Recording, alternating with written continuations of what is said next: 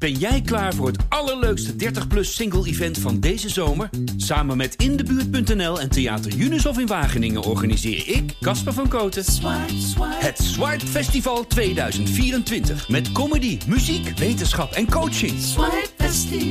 Maar vooral heel veel leuke mensen. Bestel nu je kaart op swipefestival.nl. Swipe, swipe. Het is 800 graden en jij zit met een spijkerjack aan. Anders dan zweet ik gewoon. Je ziet het nu al. Ja, maar dat heb ik ook altijd. Daarom heb ik namelijk op boulevard altijd jasjes aan. Ik zweet altijd dwars door een t Zo'n blouseje wat jij hebt, kan ik niet dragen. Nee, alleen Ga ik wit. dwars doorheen. ik had, moet- bij ja. de eerste vanmorgen had ik al mijn witte shirtje aangehad. Nou, dat heb Ja. ik nu eh, verbruikt. Kijk, dit is, dit is eigenlijk gewoon een tropenblouseje. Ja. Die zweet ook, maar dat zie je niet. En dat doe ik gewoon eh, zelf. eh, Oh, doe je gewoon een hemdje onder. Ja, want anders dan heb je nog, zeg maar, dat je denkt, jezus, wat zweet het. Zullen we een kledingpodcast eh, Vind ik beginnen? nu al een goeie. Erik, eh, ik sta op punt om te beginnen. Zullen we ik- beginnen ook? Of, Kan ik eh, eindelijk weer over mijn ja? crocs hebben. Die heb ik ook trouwens. Roze crocs heb ik. Nou, goed man. Ik heb witte en blauwe. En ik wil ook roze, zo hoor ik nu. Oké, we gaan nu beginnen. Goed zo. In deze podcast praten de papa's met Eddie Zoe. Dat is de presentator van RTL Boulevard. Hij heeft een grijze baard en een kaal hoofd. Oh, die gast. Het lijkt me wel een vrolijke vader. Eddie maakt kunst, hij zingt en hij speelt gitaar. En hij is de papa van Vender en Teuntje. Mijn naam is Gijs en dit is Dead or Alive.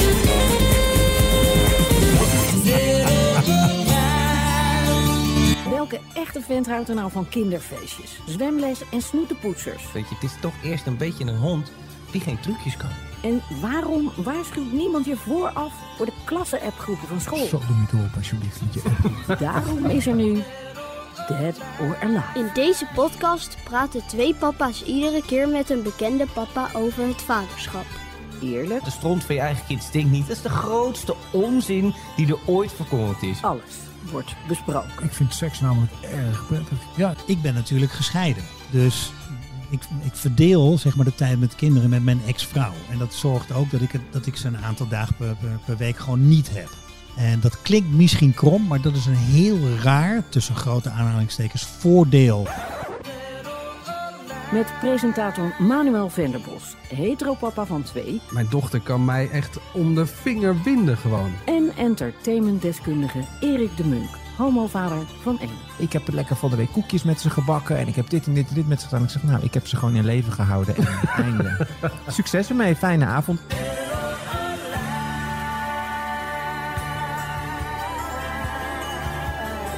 Dead or Alive. Dead or Alive, dat is een beetje de hamvraag van, eh, van onze podcast. Eh, we vragen zometeen Eddie Zoe het hemd van het lijf. Maar eerst, eh, hoe zit jij erbij?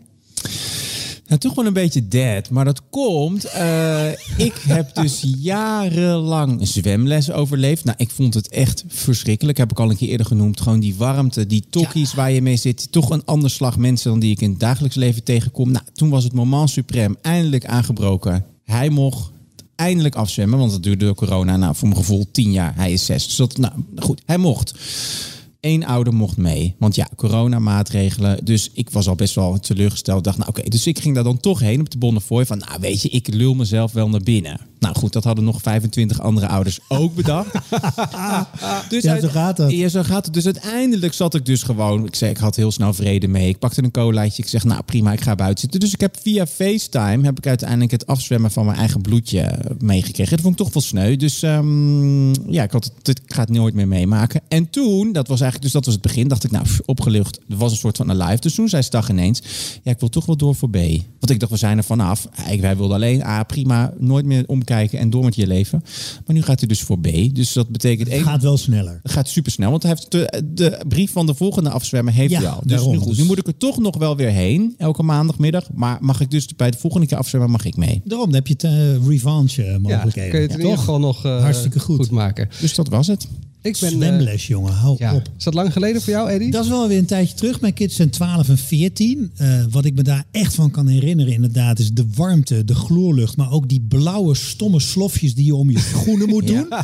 Dus wat je ook aan hebt, hoe cool je er ook uitziet. Dat is gelijk weg als je die blauwe, lelijke slofjes eromheen moet doen. Ben je wel eens vergeten uit te doen? Eh, ik heb eh, de eerste paar keer vooral geprobeerd om ze niet aan te doen. Oh ja. Nou, dat vinden badmeesters niet leuk hoor. Nee, maar ga wel, ik ga wel op blote voeten. Of ik heb slippers of wat dan ook. Nee, die dingen moeten om. Ja. Eh, nee, nooit vergeten om die dingen... eh, Ja, ik heb wel eens dat ik mijn auto instapte.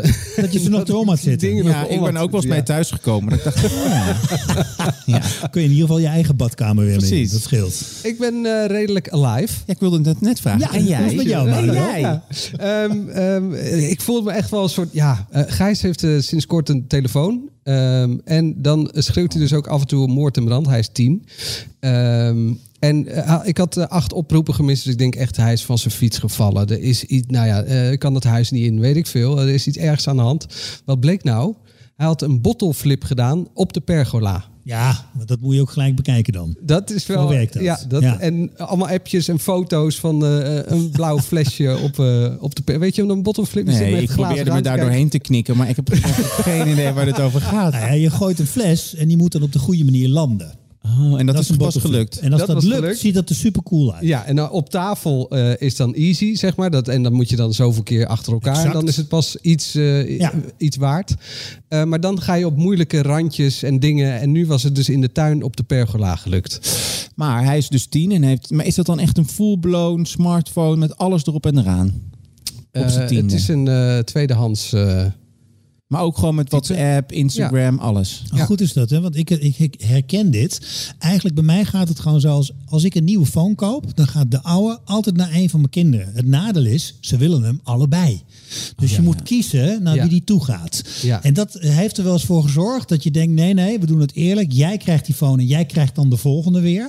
Vaak hou je dat niet vol. Dan ben ik, sta ik alweer in een Apple shop te kijken, kan ik niet nog een tweedehands scoren van hetzelfde type voor weinig? eh, exact, zo is Het het, is bij mij zo ook. eh, lullig, ook want zo werkt het wel. En hier zitten ze allebei op de azen. Volgens mijn eh, eh, telefoonabonnement heb ik recht op een nieuwe. Die kan ik zo ophalen. Maar de enige reden dat ik hem nog niet ophaal is dit dilemma. Dat ik denk, weet je, I'll hold on to this one. Want anders krijg ik dat geëmmer straks weer. Ja, want, want dan moet je dus nog een Dan tweede ik, erbij dan fixen. ik erom. Want eigenlijk moet deze naar mijn dochter. Maar dan weet ik nu al dat mijn zoon gaat zeggen, ja, Ja. flik jij me nou? Zij is jonger dan ik. Ja, bij mij zit er nog een tussenstation tussen. De, die van mij gaat dus eerst naar mijn vrouw. En dan gaat die van Oh, mijn vrouw gaat, eh, naar mijn kinderen. Ja, bij mij was het eerste tussenstation was theater. Eentje werd dan de theaterfoon. Die gebruikte ik daarvoor. Oh ja. Maar dat doen we allemaal niet meer hè, sinds corona. Dus dat excuus heb ik niet meer. Maar ik heb nog de illusie dat ik, die van mij is dus zes, dat ik die tot ze zeventiende zeg maar nog wel telefoonloos op Nee. kan voeden. Nee, tot je zevende. Haal er Ja. maar tien jaar vanaf. Ja, Dat, ja, ik nou ja, ben er wat- ook bang ja. voor, ja. En eenmaal aan zo'n phone. En je bent ze toch echt wel wat uurtjes per dag kwijt. Ja, Dat is ook wel weer zo. ja. Vind ik niet erg, want dat doen we allemaal natuurlijk. Maar het is wel... eh, het, zuigt, het zuigen wel, zeg maar. Eh, nu hebben we het aan elkaar gevraagd, maar ja, aan jou nog niet, eh Eddy. Ik ben altijd wel alive. Wat leuk dat je er bent Ja, trouwens. hè? Wat Fijn, ja, fijn om te zijn ook gewoon op deze verschrikkelijke Jij warme bent dag. altijd wel alive, zeg je. Maar ook wat betreft het vaderschap? Ja. ja, dat denk ik toch wel. Ik zal wel eens een off-day hebben hoor. Maar over het algemeen vind ik het eh, leuk en sta ik wel aan. Kijk, ik moet daarbij zeggen, ik ben natuurlijk gescheiden.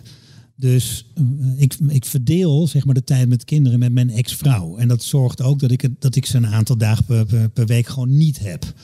Ehm, en dat klinkt misschien krom, maar dat is een heel raar, tussen grote aanhalingstekens, voordeel van een scheiding. Want uiteindelijk heb ik nooit willen scheiden en vind ik dat een soort van falen van mijn leven. Maar het zorgt wel dat je dus in die dagen dat je kinderen er niet zijn, ook heel erg aan jezelf toekomt. Ja. En dat, dat zorgt er misschien wel voor dat er een soort van oneerlijke balans eh, eh, ontstaat, vergeleken met ouders die altijd de kinderen om hun heen hebben. Ja, want eh, dan, dan heb je dus die balans voor, voor jezelf. Maar dan heb je die andere dagen dus eh, juist extra tijd voor je kinderen. Zeg ja, je en dat? dat, en klopt ook. En dat ben ik ook echt gaan doen. Vanaf het moment, kijk, mijn kinderen waren zes en acht toen wij eh, gingen scheiden.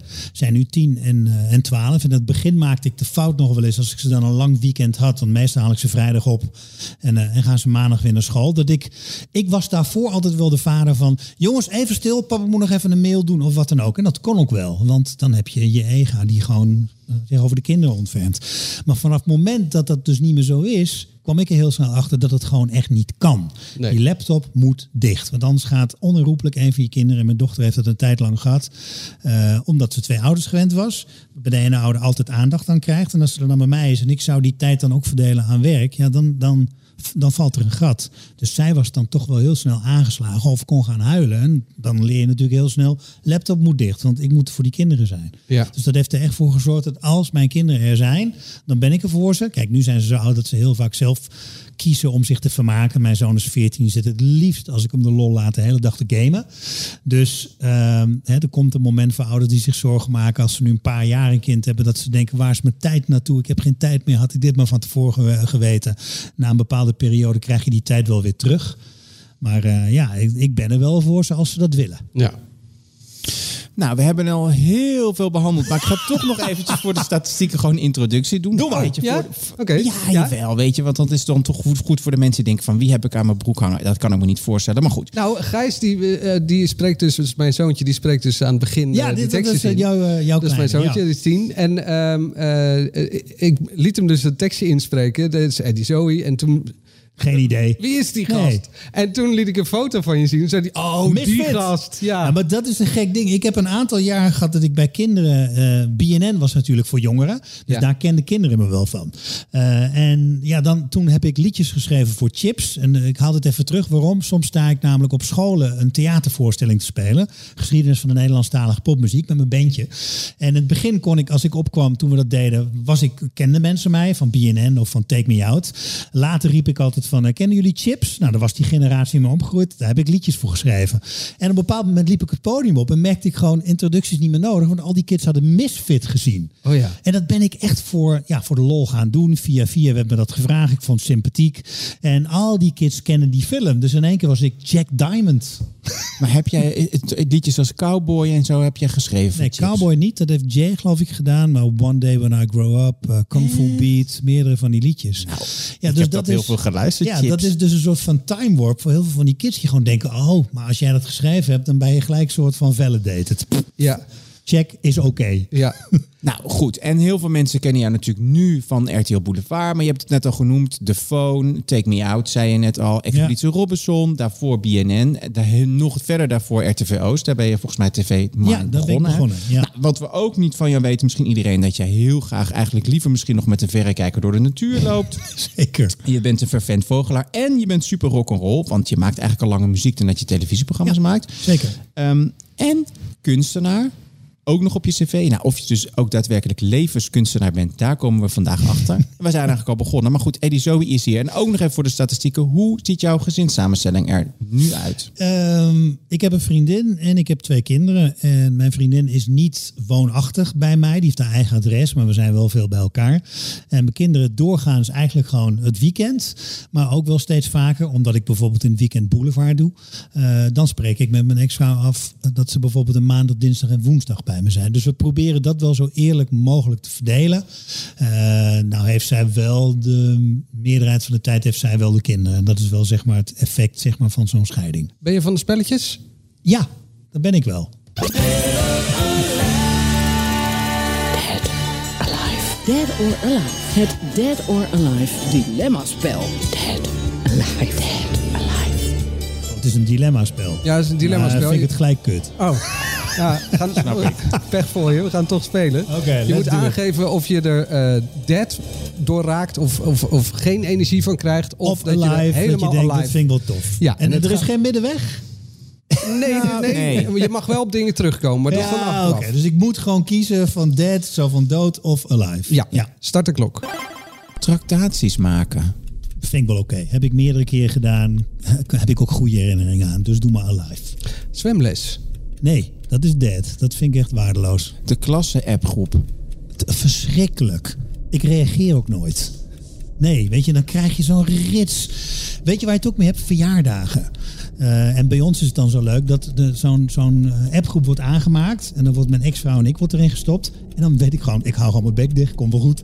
Ik vind het verschrikkelijk. Oh ja. Ja, Gefeliciteerd. Hé, hey, schatje, gefeliciteerd. Gefeliciteerd. Leuke dag. Gefeliciteerd. ik gewoon niet antwoorden. Want als je één keer begint, houdt het niet meer op. Dus Nee. gewoon, en zo gauw een verjaardag voorbij is, gelijk ook appgroep verwijderen. Doei. Ja, ja. Totaal kansloos. Ehm, in het vliegtuig met je kind. Dat is wel een uitdaging. ehm, maar op een bepaald moment als ze een leeftijd hebben, lukt het wel. Maar in principe kan ik me heel veel dead-ervaringen herinneren. Echt niet oké. Ik heb één keer gehad dat mijn zoon ook ziek werd en moest kotsen. En dan, moeten, en dan zit je in zo'n goedkope airline met niet meer van die, eh, hoe noem je dat, van die zakjes voorin waar ook niet meer zo'n kotzakje in zit. Nou, ga er maar aan staan, want zo'n kind die jenst alles vol. En hij was 13. Eh, nee, dat was toen, ik denk, een, jaar. ja, nee, ik denk een jaar of negen misschien, of acht. Oh ja. God man, nou op. Nee, dat is nog jonger, zeven of zo. Ja. Ja, maar dus ook niet meer de babyleeftijd dat iedereen nog Nee, denkt van het is een soort schattig. Nee, het, is gewoon, het was echt niet schattig. Nee. Het is ook rot en het is voor iedereen rot. En het hele vliegtuig is gelijk zuur. Nee, niet leuk. Nou, het is een perfect bruggetje. Veld verder terug in de tijd zuur. Luiers verschonen. Geen probleem mee. Dat is allemaal prima. Alive. Avondeten. Dat is ook goed. Alive. Ja hoor. Ja. Huiswerk.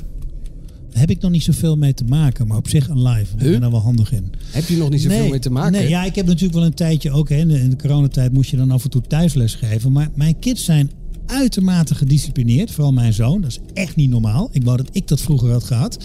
Dus, en die heeft ook geen hulp nodig. Is ook zo lekker. Hebben ze En, van hun moeder? eh, nou, nee.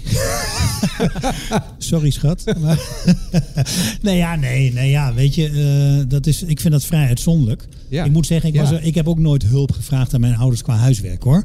Dat kon ook niet, want wiskunde, mijn moeder dacht nog steeds dat dat 2 plus 2 is 4 was. Dus dat, dat, Ja. nee, dat eh, redelijk self-sufficient daarin. En mijn dochter heb ik wel eens geholpen, maar die vindt alles leuk. Dat wordt gelijk een spelletje, dus daar heb ik ook geen last van. Weet je, dan is huiswerk leuk. Amateursporten in het weekend? Ehm, maak ik nog niet zoveel mee. Mijn dochter is van musical en mijn zoon die vindt alles wat met verenigingen te maken heeft niet fijn. Die houdt niet eens van verjaardagsfeestjes. Die wil ze zelf ook nooit geven. Dus die dans eh, ben ik op een of andere manier ontsprongen. Wie weet komt dat nog. Ja, kan.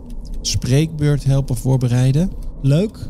Ja, ook meerdere keren met succes eh, opdrachten voor school kunnen doen. Dus eh, dat, is echt wel, dat vind ik ook wel leuk. Kan ik een beetje creatief mee omgaan. Speelafspraakjes?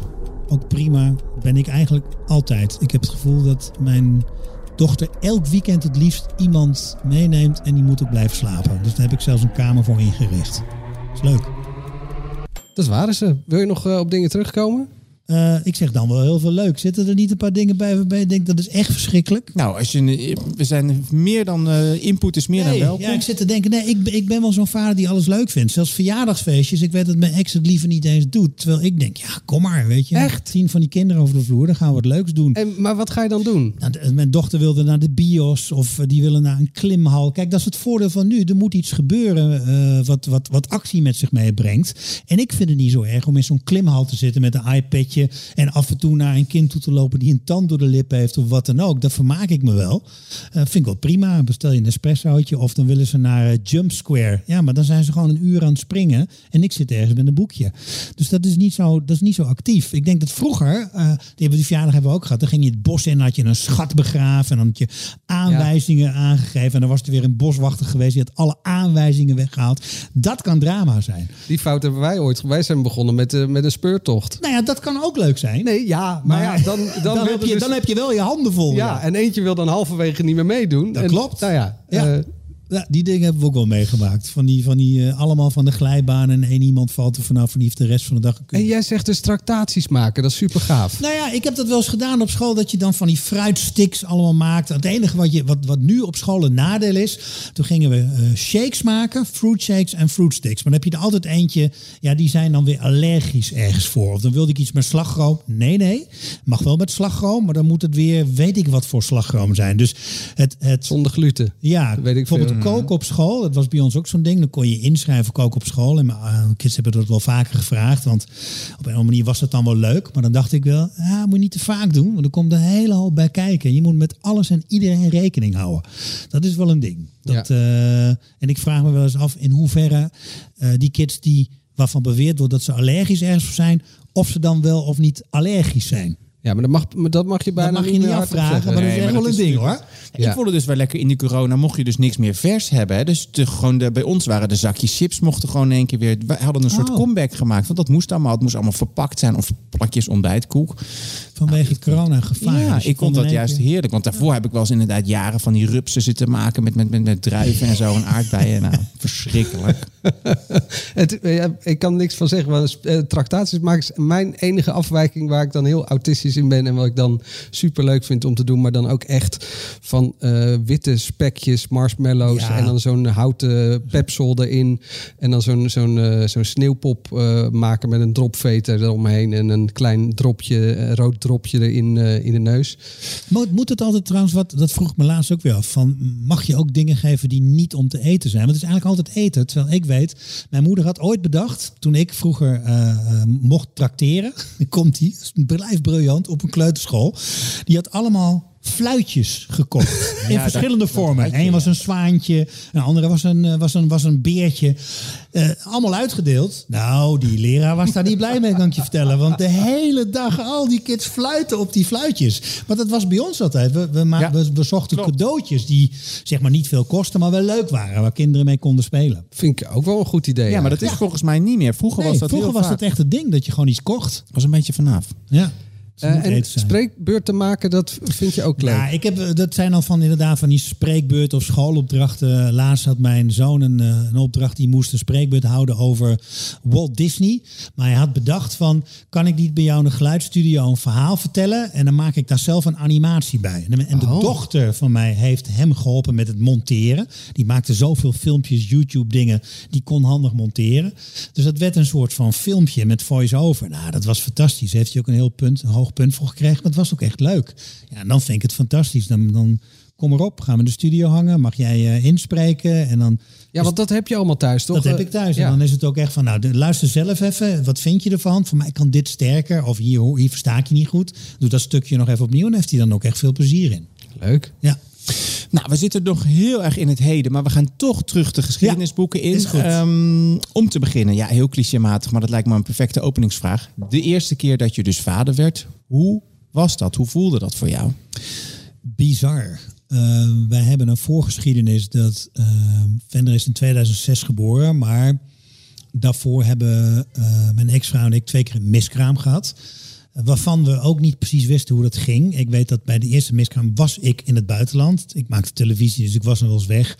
En heeft ze dat uh, zelf helemaal in haar eentje moeten doorstaan. Het is natuurlijk heavy. Oh, er gaat iets ja. mis.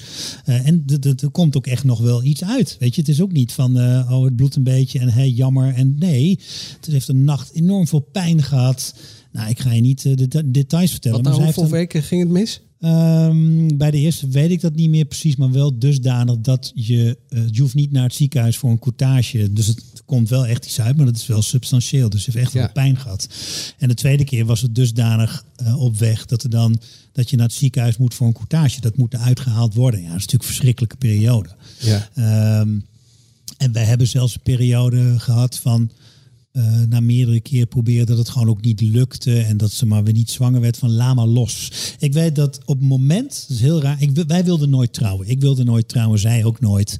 En na tien jaar en een paar miskramen en het idee dat er misschien wel eens geen kind geboren zou kunnen worden, vond ze dat in één keer belangrijk worden. En dat begreep ik wel. Ja. En dat is toch een vorm van verbinding. En het gekke is. En maar misschien ook een, een vorm van vrouwelijkheid. Wellicht. Ja. Weet je, ik heb er nooit enorm op doorgevraagd, want ik had zoiets van: uh, maakt niet uit. Als jij dit nu belangrijk vindt, ga ik van iets wat voorheen een principe van me was geen halszaak maken. Dan gaan wij trouwen. Dus ik heb het oh, huwelijk... dat werd een ding. Ja, dus ik, ik heb het ten huwelijk krijgen. Nee, nou let op, ik heb haar ten huwelijk gevraagd. En op het moment dat ik haar ten huwelijk heb gevraagd, heeft zij dus klaarblijkelijk ook ergens iets ontkoppeld. En zijn we diezelfde week zwanger geworden. Nee. Dat is bizar, hè? Ja. Dus zij is met een hele dikke buik, is zij getrouwd. Want dat gebeurde ongeveer een uh, half jaar later. En had ze al een buikje. En dan moest die trouwjurk natuurlijk een aantal keer aangepast worden. En uh, ja, dan, dan zoveel maanden later heb je ineens een zoon. En ik weet, het, wat ik heel bizar vond, ik zat nog s- want natuurlijk hoor je verhalen van op een bepaald moment krijgt ze weeën en dan moet je gaan timen en er moet zoveel minuten tussen en pas dan moet je iemand gaan bellen die die bevalling gaat doen, hè, de vroedvrouw. En ik zat een Foo Fighters documentaire te kijken. Ik loop om twee uur s'nachts naar boven en mijn vrouw staat tegen de kast. Zegt, gaat het wel goed?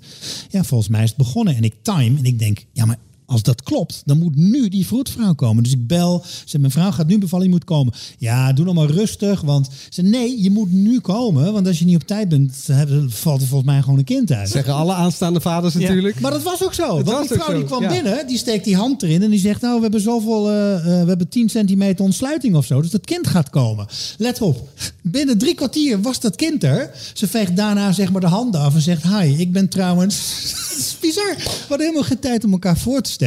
En daar zijn dan nog weer wat dingetjes misgegaan. Want uiteindelijk op het laatst moest ze toch weer ingeknipt worden. Bleek ze niet goed genoeg verdoving. Is ze nog naar huis Oh, gefietst om verdoving te halen. Nee. Ja, terwijl mijn ex-vrouw continu zei, dat werkt niet bij mij, want ik ben daar immuun voor. En die, dus ga nou maar door, het werkt namelijk niet. Paracetamol werkt bij mij al niet.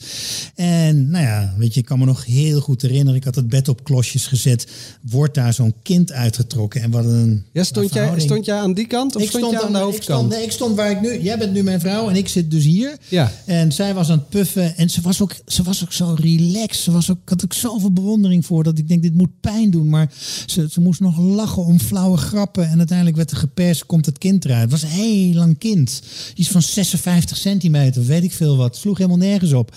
En, en eh, weet ik nog dat die vrouw dus inderdaad handen afveegde, zich nog voorstelde en daarna was het nou tot ziens. En ik denk, waar de fuck is de manual? Wat nu? Weet je wel? Ja. Dus wordt nog verteld, ja, het eerste poep wat eruit komt is heel zwart en heel dun. En je moet dit, maar morgen komt er iemand en eh, succes. En dan heb je nog een hele nacht te gaan. Ik denk dat het toen één uur of twee s'nachts was. Ja. Maar dat, dan denk je, ja, maar dat, dat meisje morgen komt pas om een uur of acht, denk ik. En nu dan? Maar jij bent toch autodidact? Ja, nou ja, dat word je wel. Überhaupt is dat namelijk het ding. Want nu ik dit zeg en daar zo opgewonden over raak, weet ik ook, er zijn tig generaties voor ons, jongens. Die hebben dit allemaal gedaan. Weet je, ga honderdduizend jaar terug in de tijd. En toen had de mens ongeveer al dezelfde bouw en omvang van hoofd en hersencapaciteit. Ja. Dus we can handle this. Weet je, wij maken er wel een enorm ding van dat het. Eh, en dat wordt, komt ook wel een beetje door die industrie. En dat komt ook wel een beetje door. Wat heb je allemaal van die, eh, van die eh, bureaus waar je er naartoe moet? Wat is de naam er ook alweer van? Dat je, dan word je Consultatiebureau. Consultatie. Wij noemen dat al het concentratiebureau. Want eh, er zit, zoveel haken en ogen aan, denk je, aan dat eh, kind krijgen en opvoeden en hoe moeilijk het is. Maar uiteindelijk gaat het, voor het grootste gedeelte gaat het vanzelf. En toen dacht je, het is een jongen, het moet eh, gewoon eh, mijn gitaar, mijn lievelingsgitaar is een Fender, dus dat Nee. wordt de naam. Ik weet, dat heb ik tegen mijn ex-vrouw gezegd, van die ga ik continu voor mijn voeten krijgen. Ik wilde mijn zoon eigenlijk James noemen. Alleen zij zei, James, hou dat toch op. Onze ouders die gaan het weer verkeerd uitspreken. Dat wordt helemaal niks. En zij was van de oud-Hollandse naam. Ik zei, ja, maar dat, ik ga, wil, wil geen Hans of Henk. Gaat niet gebeuren. En toen sprak ik de animatiefilm Robots. Daar sprak ik een rolletje in die in Amerika werd gedaan door Robin Williams. De, uh, de rol Fender. En ik werd in Nederland uh, daarvoor gevraagd. Dus ik ging in die tijd naar de studio om die rol in te spreken. Toen zei ze, Fender is een hele leuke naam. Toen zei ik, ja, dat is leuk. Maar dan gaat iedereen denken dat ik mijn kind naar gitaar heb vernoemd. En toen zei ze alleen maar, nou en? Het is toch een leuke naam? Toen dacht ik, ja, daar heb je ook gelijk in. En mijn ouders gaan het snappen. Dan zeg je gewoon, net als Sander, maar dan Fender. Ja. En toen dacht ik alleen nog wel, als je dus uh, naar de burgerlijke stand gaat, omdat het een merk is, kan iemand daarvoor gaan liggen. Oh. Ja, ik geloof dat, uh, hoe heet die, uh, Ratelband, die heeft zijn kind geloof ik Rolls Royce Ja, willen noemen, ja, maar dat mocht niet, want het was Nee. een merk. Toen dacht ik, dus ik moet geluk hebben dat iemand daar zit die snapt dat dat geen merk is. Want als hij dat snapt, dan mag het niet. Dus we hadden als reservenaam geloof ik Liam. Dus ik ging er naartoe en ik heb Zit toch ook wel in de gitaarhoek. Nou, Liam Gallagher, Ja. geen idee. Maar dat, dat vonden we ook wel een leuke naam Ja. die je ouders konden snappen. Dus ik stond daar om te zeggen, nou, kind moet dus Fender heten. Eh, en toen was het, kreeg ik zo'n zo'n gezicht met een vraagteken. Zei, je weet wel, net als Sander. Sander, Fender. Oh ja, genoteerd en klaar. en dat is de eerste in Nederland die dus Fender genoemd is. Daarvoor Oh. is er geen eh, naam die eh, zeg maar eh, als dusdanig genoteerd is. En daarna zijn er vrij veel Fenders gekomen. Ja. Want zelfs Roxanne Hazes eh, zoontje heet Fender. Je hoort het echt wel vaker. Nu is het een soort van standaard naam geworden. Maar eh, je bent wel inconsequent, want je zegt van ik hou niet van, eh, van Hollandse namen, maar je dochter heet Teuntje. ja, dat was haar veto. Dat snap Oh, je. dat was Mijn een- ex-vrouw had zoiets van, ja, maar dit wordt dan wel een teuntje. Dat snap je Ah, wel. oké, En niet ja. een Gibson. Nee, dat, wilde ik ook niet hoor. Ik had ook zoiets van, doe dan maar gewoon teuntje. Ik vind dat prima. Wel, En, en in de praktijk is dat nu al heel lang teun. Oh ja. Dat snap je. En is dat, is dat eh, dan anders als je voor de tweede keer eh, papa wordt? Nou, bij ons was de tweede keer ook weer een verhaal apart. Want ik, ik, was op, ik stond op het punt om radio te gaan maken. Ik maakte toen radio op 3FM. En ze zegt, volgens mij eh, zijn mijn vliezen gebroken. Ik zeg, dat kan niet, want we hebben nog tien en een halve week te gaan. Eh, en toen kwam er gelijk iemand, want het is vrij alarmerend. Ja, 31 weken. Ja, het is vrij alarmerend. Dus ik kwam en die zei, je moet nu naar het ziekenhuis. En toen heb ik nog gevraagd, ja, maar kan u toch nog wel eerst radio maken? Nee, dit is heel erg heftig, want eh, als het kind nu geboren wordt, dat is niet goed. Nee. Of eigenlijk was het van mij zelfs elf weken te vroeg. Alleen toen moesten ze dus naar het ziekenhuis en hebben ze dan nog een halve week met allerlei spuiten in de lijf. En je moet dan spuiten krijgen in de benen, zodat dat babytje nog heel snel de longetjes af kan maken. En wij kregen ook echt van dokter te horen, luister, dit is heel kritiek. En wij proberen dit na tien en een halve week toe te brengen. En als het kindje eruit komt en het gaat huilen, dan is het waarschijnlijk echt wel oké. En dan kan er nog van alles mis zijn, maar dan is het absoluut levensvatbaar. Maar als dat niet zo is, dan moet je niet gaan schrikken, want dan kan het hele dramatische vormen gaan aannemen. Zo. Ehm, en Teun kwam eruit en ging huilen. En ik heb net zo hard meegehuild. Ja, Want op dat moment weet je gewoon, dit is goed. ja. En dat was zo'n kleine gremlin. Rood, klein. En nou, dat moet dan naar een couveuse. En dan krijg je te horen, waarschijnlijk twee maanden lang gaat dit kleintje nog in een couveuse zitten voordat je ermee naar huis krijgt. En drie keer per dag ging ik daar ook langs. En ik ben er veel geweest, maar het was een sterk klein babytje. Ik ging dan liggen en dan mocht ik eh, hier neerleggen. En toen was ze al, probeerde ze al de nek te strekken. En die paar momenten dat je dus uit de couveuse kon halen. En uiteindelijk heeft het een maand geduurd en mochten we ermee naar huis nemen. En ik weet mijn ex die lag op die afdeling. En van heel veel van die kinderen hebben we uiteindelijk gehoord, nou, dat, dat, dat, dat kindje leeft wel, maar is uiteindelijk doof. Of dit kindje leeft wel, maar heeft dit. Ons kindje leeft en heeft, is alles is in orde. Ja. En dan is het dan. Ze heeft alleen een gekke vader. Ze heeft een hele gekke vader. maar het was wel, ik weet wel dat mijn ex-vrouw toen zei van count our blessings. Dit gaan we nooit meer doen. Weet je, want wij hebben ooit geroepen, we willen drie kinderen. Nou, no way. Zegt ze, ik ga het echt nooit meer doen. Want we hebben zoveel dramatische scenario's meegemaakt. En eh this is it. Ja. Maar wel heavy. Poeh. Laten we naar de tip gaan. Ja, laten we dat Even wat luchtigs. Ja, Dead or Alive. De waarom hebben ze mij dat nooit verteld? Tip voor aanstaande vaders. Alive. Nou ja, het spreekt eigenlijk Nee, voor zich. wel, maar goed, ja. ja, er zijn nog steeds heel veel mensen, of vaders die misschien nu luisteren, die denken van, ah, ik heb iemand zwanger gemaakt, het baby komt eraan of ik wil het graag. Wat zou jij aan die mm, onwetende zielen meegeven van, nou, denk hier nou aan wat mij nooit van tevoren verteld is en ik echt wel graag had willen weten. Voordat je überhaupt zwanger gaat worden. Er is een eh komiek, die man heet Michael McIntyre. Zoek dat op. Hoef je alleen maar in te tikken Leaving the House. Als je dat intikt, dan gaat Michael McIntyre, die staat dan in een zaal en die gaat vertellen, er is veel publiek. Sommigen hebben kinderen, sommigen niet. En die mensen die geen kinderen hebben, die denken dat ze best kunnen inschatten wat het is om kinderen te hebben. You don't know shit. En dan vertelt hij, ik ga een voorbeeld geven. Ja, This is me leaving the house without children. En dan staat hij en dan doet hij fictief een deur open en dan doet hij hem achter zich dicht en dan loopt hij weg. This is it. Nou, de, de, de volgende 15 minuten ga ik je uitleggen wat het is als je het huis verlaat terwijl je kinderen hebt. En dan komt er een stuk, dan moet je als ouder continu om lachen, maar Ja. een beetje als boer met kiespijn, want je herkent het. Het is namelijk van kinderen roepen, waar zijn de kinderen, waar zijn je schoenen, waarom heb je je sokken niet aan, waarom, hè? waarom wa- wat is dit, doe je jas eens aan. Kind wil niet mee, er gebeurt dit, alles aangekleed, moet er nog eentje plassen. Dus al die kleren moeten weer uit. Nou, dit is echt wel een ding, als je geen kinderen hebt, het besef van wat dat doet met je tijd. Gewoon even naar de supermarkt gaan. Nou, ik ga niet zeggen dat het een dagdeel kost. maar het kost, min, kost minimaal een uur. Ja. Terwijl daarvoor kon je gewoon even heen en weer supermarkt boodschappen doen. Kwartier redde ik echt. nog één keer die naam. Het is Michael McIntyre. En wat het je dus- Leaving the House. Leaving the Ja. house. Wat het je gaat kosten aan tijd op het moment dat je kinderen hebt, dat is bizar. Wat ik bijvoorbeeld ook altijd had, is dat als ik een druk jaar had gehad, dan ging ik op vakantie om op te laden. Dat doe je. Je gaat drie weken op vakantie, twee weken op vakantie om op te laden. Ik kwam er op die eerste vakantie met kinderen achter.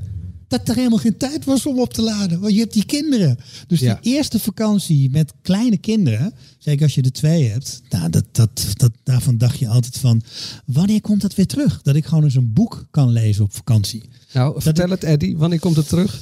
Nou, ik denk als je ehm, bij mij waren, zitten twee jaar tussen. Toen mijn kinderen drie en vijf waren, zorgde die van vijf ervoor dat die van drie een beetje vermaakt werd. Maar eigenlijk als je kind ongeveer vijf jaar is, dan krijg je al die tijd weer terug. Ik kan me herinneren dat ik eh, toen mijn jongste vijf was en mijn oudste zeven, dat ik op die vakantie voor het eerst weer een boek had gelezen. Dus het is niet. eh, Ja, maar er gaat moet- geen kruis door. Nee. Maar er gaat, er gaat wat tijd overheen. En dan, dan, is, dan wordt het ook daarna wordt het qua tijd voor jezelf. Eh, als je jezelf heel belangrijk vindt. Want laat eerlijk zijn, het is natuurlijk wat prachtig is aan kinderen krijgen. Juist dat je zelf niet meer zo belangrijk bent. Dat Ja. er een groot kruis door je ego gaat. Ik vond dat pure winst. Maar het, is, eh, het duurt even voordat je je, je, ja, je tijd weer terugkrijgt. Zelf weer baas bent. Maar het is natuurlijk wel zo dat die kinderen dan niet samen oorlog moeten gaan maken. Dan moeten ze zich wel ook samen een beetje kunnen vermaken. Want het anders... hangt zeker van de kinderen af. Maar eh, mijn kinderen hebben nooit zoveel oorlog gemaakt. Die kunnen nog steeds heel goed met elkaar. Leuk. En ik denk ook wel dat met tijd. Kijk, eh, onze zoon was bijvoorbeeld een huilbaby. Wij kwamen er pas na maanden achter dat hij een bepaalde lactoseallergie had. Nou, dat had ik heel graag eerder geweten, want het heeft me zoveel nachten en mijn ex-vrouw ook zoveel nachten slaap gekost. Eh, dus het ligt ook heel, aan, heel erg aan wat voor soort kind heb je. Heb je makkelijke kids, kunnen ze samen met elkaar overweg, dat scheelt nogal. Tja. Maar tijd, poeh, dat bij, die ben je gewoon kwijt. Die eerste drie jaar zit er maar een groot kruis door. Ja, en we, we hebben eerder eh, gesproken met eh, Rick Paul van Mulligen. Ja. Eh, die, eh, heeft, dus- die is dus deeltijdvader samen met zijn man. Eh, en die zegt dus, eh, net als jij, of nou ja, eh, net als jij ook deeltijdvader. Ehm, dat is eigenlijk ideaal, want dan heb je dus tijd voor jezelf en tijd eh, voor je kinderen. Ja, het is een hele cruwe bij, eh, bijproduct van een, van een scheiding. ik ga niet roepen, ik ga een scheiding aanraden, want dat wil je echt allemaal niet meemaken. Maar het is wel waar dat. In dat geval heb ik ook echt wel eens medelijden met mijn ex-vrouw. Want die heeft natuurlijk vaker de kinderen en die heeft er ook gewoon een baan bij. En dat is soms wel veel. Ja. Eh, en als ik de kinderen heb, dan, dan probeer ik juist gewoon, en dan heb ik die baan er niet bij. Dat heb ik ook wel eens. Ik merk gewoon nu ze ouder worden, mijn zoon van 14 bijvoorbeeld, die vindt het nu in één keer hartstikke tof om in het weekend te komen als ik boulevard doe. Waarom? Dan ben ik tussen half twee en eh, negen, ben ik er niet. Vindt hij fantastisch. maar ja. dat klopt, toen ik 14 was, vond ik het ook mooi dat mijn vader, eh, die had dan altijd, Ja. eh, mijn vader had ook twee baantjes. Mijn vader was vertegenwoordiger, maar ook voetbalcoach op hoog niveau. En die moest elk weekend voetballen. En vanaf het moment dat ik niet meer mee hoefde, vond ik het ook heerlijk om alleen thuis te zijn. Want ja, weet je, je weet zelf hoe het gaat vanaf dat je 14 bent. Ja. Ik vind het ook wel lekker dat je een keer onder de douche kunt drukken in je uppie, denk ik. Dus wat dat betreft, ja, let's face it. Dat is, eh, dat, mijn zoon gaat eh, die fase volgens mij gewoon in. Maar die gaat het heel leuk vinden om gewoon tijd voor zichzelf te hebben zonder die ouderwetse flippo's. En, maar ik kan me wel voorstellen dat dus, dus die scheiding, als je kinderen hebt, dat dat een zo'n ongelofelijke knoop in je maag eh, teweeg brengt. Nou ja, zeker. En ook het moment dat je dat moet gaan vertellen. Weet je, ik ben hier op mondje gevallen, maar op het moment dat eh, mijn ex besloot, nu gaan we het kinderen vertellen, heb ik geen mond opengetrokken. Ik kreeg het er niet uit. Dat heeft zij gedaan. Zij heeft uitleg, uitgelegd, we gaan in twee verschillende huizen wonen. Dat hadden we wel van tevoren besproken, van hoe gaan we het zeggen? Nou, dat had ik ergens een keer meegekregen. Eh benader het positief. Hè. Die kids zijn zes en acht. Eh, vooral voor die van zes is dat concept gewoon moeilijk te begrijpen. Dus zeg, papa en mama gaan in twee verschillende huizen wonen. Dus je krijgt twee kamers. Dus mijn dochter had al vrij snel. Oh, mag die kamer dan roze? Dus die zien daar de voordelen van in. Maar die beseffen op dat moment gewoon helemaal niet wat dat is. Maar ja, het voordeel is, ze hebben ook geen kader, echt. Dus dat wordt ook second nature. Het, is, het, wordt, het hoeft niet voor hun niet per se als negatief ervaard worden. Maar ik weet zeker dat ze daar een enorme knauw van krijgen. Ja, en ik denk ook gewoon dat het komt hoe je daarna met elkaar omgaat, toch? Kijk, Ja. als jullie, ik weet niet hoe jullie Wij met gaan heel goed met elkaar Dat om. is natuurlijk het belangrijkste, Ja. denk ik. Ja, ik denk dat het, hele, dat het allerbelangrijkste is. Ik, eh, niet om eh, andere scenario's, om mensen een trap na te geven, wat dan ook. Maar ik ken wel vrij veel mensen waar ik denk van, joh, misschien eh, even een stapje terug doen op het gebied van je ego. Of dat je heel erg gekwetst bent en dat continu eh, in die relatie die je met je ex hebt en voor je leven lang blijft houden vanwege het feit dat je kinderen hebt. Stap daar nou overheen, want als je in goede harmonie door een deur kunt. En dat hebben wij ook. Ik heb wel eens dat ik in één keer de vraag krijg: kun je ook dan werken? Nou, dan moet ik naar mijn ex om te zeggen: luister, eh, dit, dat wordt mij gesteld, maar kun jij dan de kinderen hebben of kan ik het een ander moment voor je overnemen? Wij komen er altijd goed uit en daar ben ik super trots op. Ik ben ook heel trots op haar dat ze daar zo open in is en zo makkelijk in is. Ja. Maar we proberen elkaar daar wel enorm in te helpen. En dat is eh, het beste signaal wat je je kids kunt geven. De onvermijdelijke papa Ik lijk steeds meer op jou. vraag. Ja, de Mooi tranentrekker van eh Stef Bos. Stef Bos, ja, mooi. Jouw vader is er niet meer, toch? Mijn vader is er niet meer, die is overleden na 13 jaar Parkinson, eh 80 geworden. Mooi mens. Ja. En als je aan hem terugdenkt eh, en je kijkt nu naar jezelf, eh, lijk je dan ook steeds meer op hem of helemaal niet? Of, Eh, mijn jongere broertje lijkt heel erg op mijn vader. Eh, mijn oudere broer lijkt heel erg op de opa van mijn moeders kant. En mijn vader heeft altijd gezegd, jij lijkt het meest op je moeder. Daar was ik een beetje pist om altijd. Want ik heb een periode gehad, en vond ik mijn moeder verschrikkelijk. Echt zo'n typische puberband die ik met mijn moeder had, wat wel eens wilde botsen. Ja. Dus ik vond helemaal niet dat ik op mijn moeder lijk. Denk wel dat hij daar een beetje gelijk in heeft. Dat ik best wel op mijn moeder lijk. Laat ik zo zeggen, mijn moeder heeft nu Alzheimer. Is een schat van een vrouw. En ik hou van haar. Maar er zijn periodes geweest. Dan wilde ik er echt achter het behang plakken. En het liefst ook een paar weken laten zitten. Om het maar even zo te zeggen. En ik, toch heb ik heel veel van haar. Dat, dat weet je, dat... Ja, misschien een fanatisme of zo. Ik weet niet wat het is. En mijn vader... Daar ben ik nog steeds jaloers op. Die man was de rust zelf. En eh, van Twente naar... Er wordt altijd gezegd dat mannen ongeveer eh, met 5000 woorden op een dag kunnen en vrouwen de 10.000 of 15.000 nodig hebben. Nou, mijn vader die kon met 5 of 50 woorden een dag. eh, Ga jij nu wel overheen, hoor. Dat weet ik zeker. Daarom lijk ik ook niet op mijn vader en op mijn moeder. Maar de rust die die man had, dat vond ik zo bijzonder. Eh, ja, altijd in control. Altijd rustig. Altijd met een overzicht. En eh, ook echt een rechtschapen mens. Twee baantjes, harde werker. Heeft zich eh, ontvochten aan een milieu wat heel knap is. Vooral als ik daarop terugkijk. Niet om mijn andere familie te schande te zetten of te niet te doen. Maar die kwamen uit een moeilijke buurt in een moeilijke stad. En mijn vader heeft zich daar echt aan ontworsteld. Werkte twee baantjes. Was een man die had een voetbaltalent. Is profvoetballer geweest. Zich opgewerkt tot hoofdklasse coach. En die heeft het met mijn moeder hebben ze het heel goed gedaan. Ik vond ze altijd super ouderwets. Weet je, toen mijn vader 50 werd, vond ik, dat, vond ik het echt een oude lul.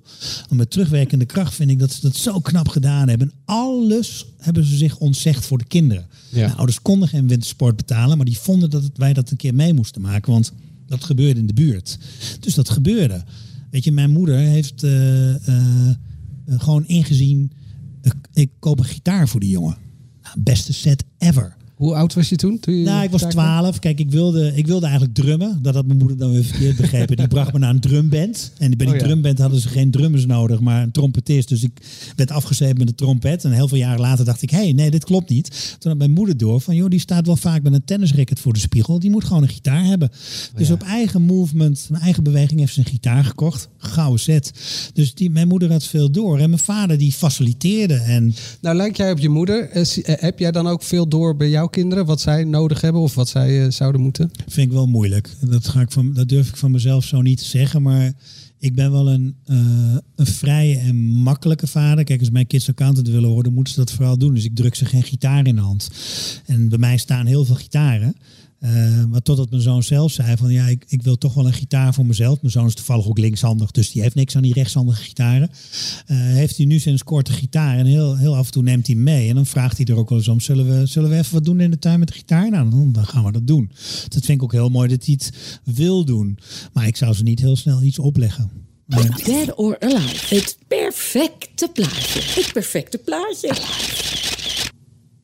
Ja, hoe zit dat eigenlijk? We struinen altijd een beetje jouw eh, eh, Instagram af. Ja. De Instagram van de, van de vader. Oké, Ehm, er staan steeds minder foto's op. steeds minder foto's Ja. van je kinderen. Ja, ik heb ook wat foto's weggehaald. Kijk, mijn zoon is 14 en die wil eigenlijk niet meer eh, gefotografeerd. Hij wil wel gefotografeerd worden, maar hij wil niet meer dat die foto's op so- social media komen. En dat is niet cool. Nee, dat is niet meer cool en dat wil hij ook niet. En eh, hè, die- het is logisch. Die eh, krijgt ook een leeftijd dat hij het belangrijk vindt dat zijn haar goed zit of dat hij de juiste kleding aan heeft. Kan ik alleen maar toejuichen. De dochter vindt het nog leuk. Dus ik denk als je op social media gaat struinen dat je eh, met name foto's gaat tegenkomen van mij en mijn dochter of van mijn dochter. Alleen die vindt het ook echt leuk. Hè? Die, vindt, die vindt social media ook leuk. Die vindt TikTok leuk. Die vindt filmpjes maken leuk. Oh ja. Dus die zit daar meer in. En mijn zoon is echt wel iemand als je hem een groot plezier doet, dan eh, laat je hem vooral eh, lekker met rust. En die redt zichzelf. Goed gevoel voor humor.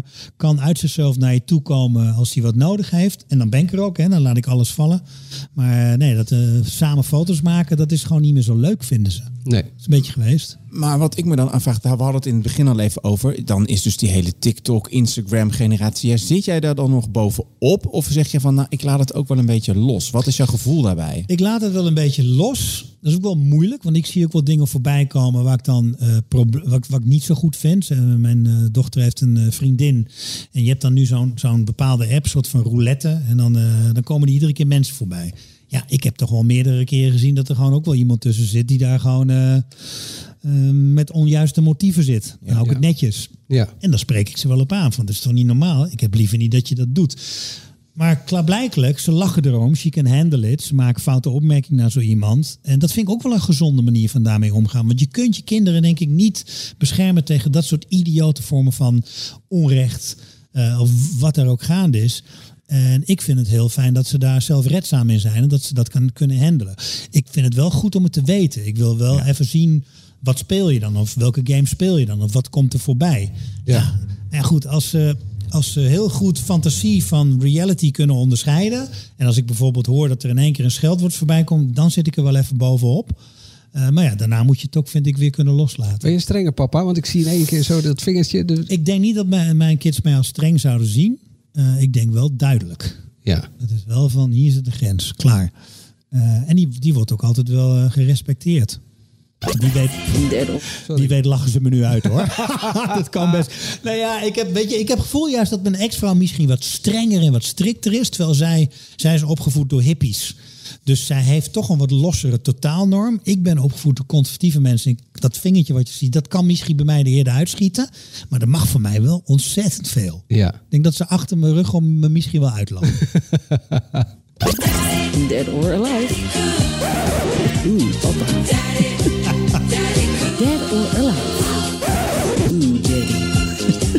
Zo, papa, kom jij maar eens even lekker hier. Dit klinkt heel funzig, jongens. wat is dit? Nou ja, dit is dus eigenlijk maar toch Iedere altijd... papa is toch altijd nog een beetje funzig. Of niet? Ja, nou ja, de- ik Nee? niet hoor. Maar goed, dat maakt niet uit. Het Maar- ligt ook wel aan wat voor leeftijd je die kids krijgt. Jongens, ik ben 54. Maar Eh, goed, we gaan eventjes. Dit is altijd toch wel mijn favoriete onderdeel van het programma. Want het is vaak zo, dat zie je dan toch op het moment dat je vader wordt, vliegen ze op je af in het park, in de winkel, met zo'n kleine schattige baby op je arm. Hoe, ja, hoe heb jij dat ervaren? Hoe heb jij de sexiness van het vaderschap ervaren? Niet zozeer. Ik heb dus vrij laat kinderen gekregen, ook omdat het bij ons wat langer duurde. Eh, ja, weet ik veel. Ik heb eh, als veertiger met, met zo'n kind lopen. Ik weet niet of dat nog attractief, eh, attractief is voor vrouwen. Dat vraag ik me wel af. Het is, het is niet direct een nadeel. Ik denk dat het misschien ook wel zo werkt voor, voor velen. Van, hij kan in elk geval kinderen maken. Dat is op zich al eh, een soort van winst. Ja. Ja, dat denk ik dus ook altijd. Dat toch ja. vrouwen dat ergens denken van, ah, hij kan Nou, het hij in kan het. geval. Er zijn twee kinderen. Het zijn leuke kinderen. Ze zien er gezond uit. Eh, wie weet wordt er nog gekeken naar. Hij heeft een goede band of het is een leuke vader. Dus in dat opzicht kan ik me ergens wel voorstellen dat dat aan sexiness bijdraagt. Maar ik heb het niet zozeer ooit gemerkt. Ik heb niet hè, al die dingen die we net in dat, eh, in dat stukje tune hoorden. Van, hey, eh, daddy, kom jij maar eens. Nee, dat, heb ik, dat maak ik niet mee. Nee. Het is oneerlijk verdeeld in de wereld. Maar je hebt toch wel eh, als vader op, op wat nou ja, rijpere leeftijd... heb je wel gewoon een, een, nou, een jonge vriendin Ik heb een jonge vriendin. geslagen. Ja, ja. Nou, het, is, het hoeft ook niet gelijk een nadeel te zijn. Maar ik weet niet, dat is niet... Dat had niks met zijn dat kinderen heeft te niks met maken. kinderen te maken. Nee maar, nee, maar misschien dat het dan toch ergens... Ja, geen idee. Ja, ik weet het ook niet. Ik weet het ook niet. Ik vind het wel een ingewikkelde... Ik denk als je heel jong kinderen krijgt... eh, dan zou dat zo kunnen werken. Hè, Dan, dan, dan, dan heeft het misschien een uitstraling. Hij is jong, hij heeft al kinderen, hij heeft zijn shit op orde. Wat een topgozer. Ik weet niet of dat zo is als je een eh, wat oudere man bent en je hebt gewoon kinderen. En, eh, ja, Het is alleen maar lastig. Blok aan je Ik weet het niet. Ja, wie weet, wie weet zijn er dan vrouwen die denken, nou, misschien nog het tweede leg kan nog net. Eh, maar dan moet je volgens mij heel veel poen hebben. En dat heb ik niet. Dus Maar, maar goed, je hebt, haalt het nu zelf al aan. Ik heb ter voorbereiding van dit, eh, en ik ken jou natuurlijk al wat langer, toch wat dingen gelezen. Zou er nog, ja, zit het er nog in, een tweede les? Ja, ik, ik, ik sta daar nooit negatief tegenover, omdat ik kinderen gewoon tof vind. En als je zelf het gevoel hebt van ik heb de mate van energie nog wel om nog een keer die eerste drie jaar vijf jaar vakanties geen tijd hebben door te maken. Toen heb ik wel gezegd, ook tegen mijn huidige vriendin, ja, dat zit er wel in. Alleen in dit geval uh, moet zij daar ook uh, toe bereid zijn. Kijk, zij is pas dit jaar heeft ze weten af te studeren. Dat heeft wat langer geduurd dan de bedoeling was. Ze is nu zelf ook aan het onderzoeken wat ze allemaal wil. Uh, ik heb wel, uh, ik, ja, weet je, uh, begin nu wel een beetje aan te geven van dat moet ook weer niet te lang duren. Want dan begin ik zelf een leeftijd te krijgen. Of ik het zelf nog verantwoordelijk vind om. Je hebt ja. altijd Rob de Nijs, zeg maar. Nou, ja, dat, dat, dat, ik, Rob de Nijs noem ik vaker. En er zijn wel meerdere mensen, met name in artiestenland, die het voor elkaar krijgen om op late leeftijd kinderen te krijgen. Ik geloof dat Charlie Chaplin ergens rond zijn eind 70ste nog kinderen gekregen heeft. Ik zeg niet direct dat dat mijn streven is. Ik vind het ook wel leuk dat ik nog kan voetballen met mijn kinderen. En dat je niet, als je, nu, als je er nu nog 14 jaar bij bovenop telt en dan zou mijn zoon nog willen donderjagen op het level hoe ik nu donderjaag met mijn zoon. Want dat is ja. stevig hoor. Ik heb wel eens een tand door mijn lip gehad. Ik weet niet of ik dat nog zou kunnen trekken. Dat weet ik niet. Maar in principe sta ik ervoor open. En, en hoe gaat het, de, de relatie tussen je kinderen en je vriendin? Ja, die is, die is buitengewoon goed. Uh, ja, dat is dat vind ik echt wel een wonder. Maar dat komt waarschijnlijk ook omdat ze zelf vrij jong is. ja, weet je wel. Nou ja, maar dan kunnen je kinderen misschien denken, die is, die is wel jong, uh, papa. Ja, dat zijn vaak wel, kijk, als mijn, als mijn dochter een vriendinnetje mee heeft, is dat altijd wel een onderwerp. Dan vraagt zo'n vriendinnetje altijd wel, uh, hoeveel leeftijdsverschil is er tussen jullie? Of dan zegt mijn, wil mijn dochter dat nog eens aanhalen. Papa, hoeveel leeftijdsverschil is er nog weer? Dat vindt ze dan blijkbaar ook wel stiekem Want cool. dat is? Uh, wij zitten, er zit 22 jaar verschil tussen. Ja. Dat, is, dat is stevig. En wat is dan de reactie? Uh, kinderen vinden dat op een of andere manier niet zo raar. Die vinden, nee. die vinden het wel verrassend dat mijn vriendin dan zo jong is. Maar dat is ook niet direct iets wat ze, wat ze dus voelen of opmerken. Dat is alleen dan weer de moeders van die kinderen. Die dat ja, dan... ik denk wel, misschien dat het daar speelt. Ja, dat weet ik ook niet, joh. Ik, bedoel, ik, heb, ik heb daar nog nooit navraag naar gedaan wat niet. ze daarvan vinden. en het is ook weer zo'n typisch ding dat mensen dat ook niet aan je gaan vertellen. Nee, en dat dus, maakt toch ook niet uit. Ik vond het nee. dus juist ook wel lekker van die kinderen. Dat die dat allemaal wegdenken, ja. al dat gezeik eromheen. En het is gewoon een leuke vrouw, punt. Ja.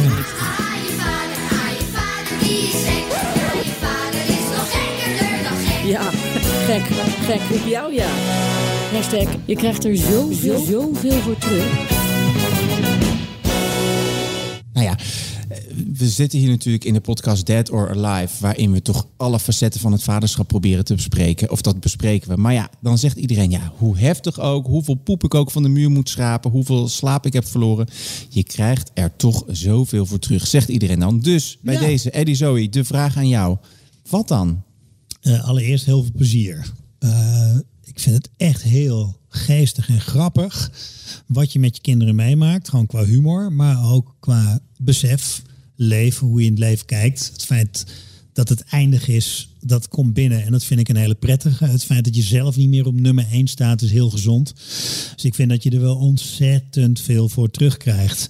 Uh, ik denk straks nog een stuk herbeleving, wellicht van je eigen jeugd. Ik vind het ook heel leuk om te zien. Hè. Nu, bijvoorbeeld met mijn zoon kan ik nu, die is 14, die vindt in één keer bepaalde films tof om te kijken. Met hem kan ik in één keer James Bond films kijken. Die zit te wachten tot de nieuwe James Bond in de bios uh, komt.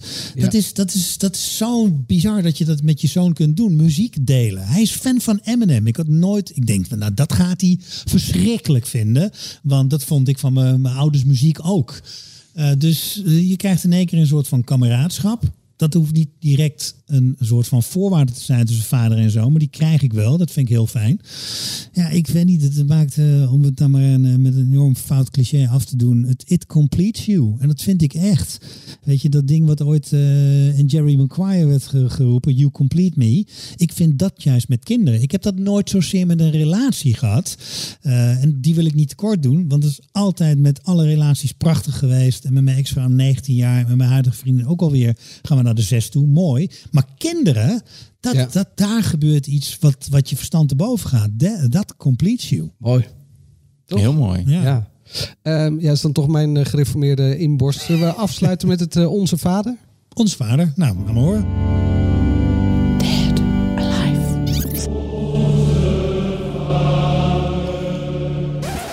Hier krijgen we van onze vaders in dit seizoen wijsheden die de eerste tien geboden vormen voor de luisterende vader. Een wijsheid, een tip, een truc, uh, een handigheidje. Ja, uh, uh, het woord is aan onze vader. Eddie Zoe. Tips en trucs. En nou, ten eerste, als je vader wordt, eh, score even dat boekje van Kluun. Dat dunne roze boekje van, eh van Help, ik word vader. Die is leuk. Ja. Vond ik echt leuk. Eh, heb ik ook meerdere eh, mensen al cadeau gedaan. En verder, jongens, vaar op je gut feel. Weet je wel, leuk, oei, ik groei, maar het is geen bijbel. Consultatiebureau, ze gaan uit van gemiddelde. Dus horen, en ze kunnen dat zo ernstig maken. Ik heb me echt wel vaak ge- geërgerd aan consultatiebureaus. Ja, jij ziet het echt als een Gestapo, hè? Nou ja, ik vind echt wel, als je. kijk, wij hebben, zitten hier denk ik met drie eh, redelijke slimme mannen aan tafel. Dat als een vrouw tegen je zegt: Je kind is wel een beetje te klein of je kind is wel een beetje te zwaar. Dan kun je dat ook heel serieus opvatten. Ik wimpel dat weg, want ik denk: Ja, weet je, waar baseer je dit op? Dus dit is zeg maar een soort van normering door gemiddelde. Ja, maar ik ben klein en dik, dus eh, wat bedoel je? en daarom, wat zou daar mis mee zijn? Maar je weet ook dat hun gemiddelde is vanwege alle kinderen qua maat of gewicht bij elkaar. En dan komt het gemiddelde uit. En als je daarop zit, dan is het goed. Maar als je daarvan afwijkt, is het ook niet fout. Dus, dus ik vind al die instanties, de baby-industrie, de boeken, de regeltjes. Jongens, vaar gewoon meer op je gut feel. Je weet donders goed hoe het zit. Dat kan op een tegeltje. Ja, vaar, op, je gut, feel. En ook niet op tegeltjes. Wat moet er dan wel bij? Wat zeg je? Wat moet er dan bij op dat tegeltje? Vaar op je gut feel, dus ook niet op dit tegeltje. Dus of ook zoiets. niet op dit Want tegeltje. Dat, Ja, dat is dat- natuurlijk toch weer een soort van Ja, regel. anders, ja. Als we dat soort- met iets kleinere letters afdrukken, dan past het denk ik net. Ja, Past er net op. dat kunnen we wel doen. Eddie, dankjewel. Ik vond het heel leuk, dank jullie wel. Nou ja, mocht je nou nog meer willen weten van deze podcast, ik kan me niet anders voorstellen dan dat je dat wil. Dan kun je op Instagram kijken, at Dead or Alive, de podcast. Ik wil elke keer zeggen .nl, maar dat is het niet. Dus at Dead or Alive, de podcast. Ja, en dat is dan met de DAD. Eh, geef ons een duimpje in je podcast-app. Dan eh, krijgen we meer volgers en dan mogen we misschien nog meer afleveringen maken. Vijf Ik ga sterren. het gelijk doen. Vijf sterren en een duimpje. Poef. En eh, tot volgende week. Tot volgende week. Joei. Nee, jij bent er niet eh, dan. Nee, ik zeg ook joei. joei. Wat is joei? Eh, een soort van doei, maar dan eh, Dat je er niet met, een, bent. met een J. dat je er dan niet bent volgende Ja. week. Joei. De volgende keer praten de papa's met Xander de Bisonnier. Hij heeft zo'n stoere stoppeltjesbaard die prikt als hij je knuffelt. Hij is de papa van Sam, van Dex en van Cela Lin. Ik heb een dochter, uh, Cela Lin is eh, bij een draagmoeder eh, tot leven gekomen. We konden, we konden niet anders, hè? Eh, of die is ge- geboren uit een draagmoeder. Is het wel allebei biologisch voor Ja, het is, het is mijn zaadje, haar eitje. We hebben alleen, zeggen we altijd, een ander oventje gebruikt. Ja, wat, wat mijn vrouw komt door een, een tumor die ze, die ze in een mesenterium, dat, zijn, hè, dat is een soort van schort tussen je darmen in. Die heeft ze ja, weg moeten laten halen met een heel stuk darm. En, het, en het, ja, bij het groeien van de buik en het vrijkomen van de hormonen tijdens de zwangerschap was de, ja, de kans dat het terug zou komen was ja, echt 80% Dus ja, toen was het een no-go voor ons om nog via de normale manier eh, zwanger vind- te worden. Tot volgende week. Dead or Alive. En eh, vergeet niet te abonneren, dan krijg je de volgende keer meteen een verse papa. En volg de papa's ook op Insta. Apenstaartje Dead or Alive de podcast. Alleen dan alles aan elkaar. Doei!